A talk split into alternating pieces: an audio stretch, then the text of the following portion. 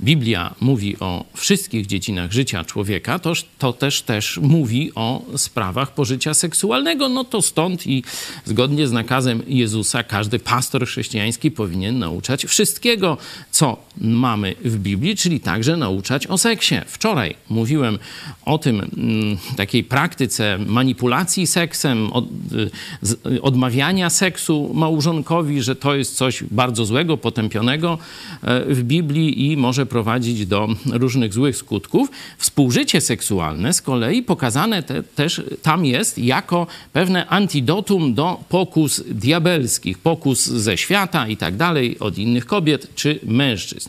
Stąd pytanie. Tak, ma być to współżycie, ale jakie?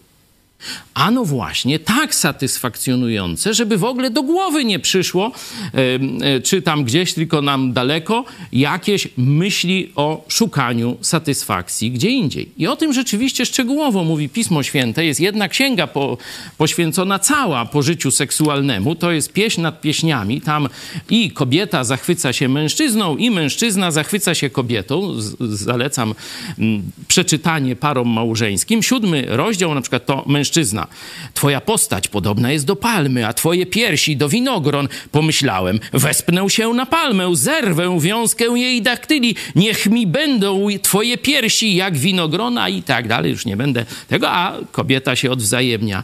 Ja należę do mojego miłego i ku mnie zwraca się jego pożądanie. I tak sobie nawzajem tam kadzą, no ale ktoś powie, no to młodzi, zachwyceni, zakochani, a później stare małżeństwo. Otwórzcie sobie Księgę Przypowieści Salomona, y, dość doświadczony w tym y, obszarze, y, piąty rozdział i on tam swojemu synowi mądrości na temat życia małżeńskiego mówi tak.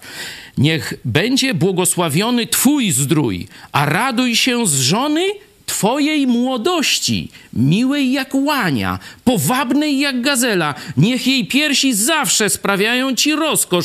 Upajaj się ustawicznie jej miłością. Dlaczego, synu, masz się rozkoszować obcą i ściskać pierś cudzej? Także seks, niezależnie od tego, ile lat ma stażu małżeństwo, ma prowadzić tych dwoje ludzi do takiego spełnienia, żeby nie przychodziło im do głowy szukać czego lepszego, bo nie ma.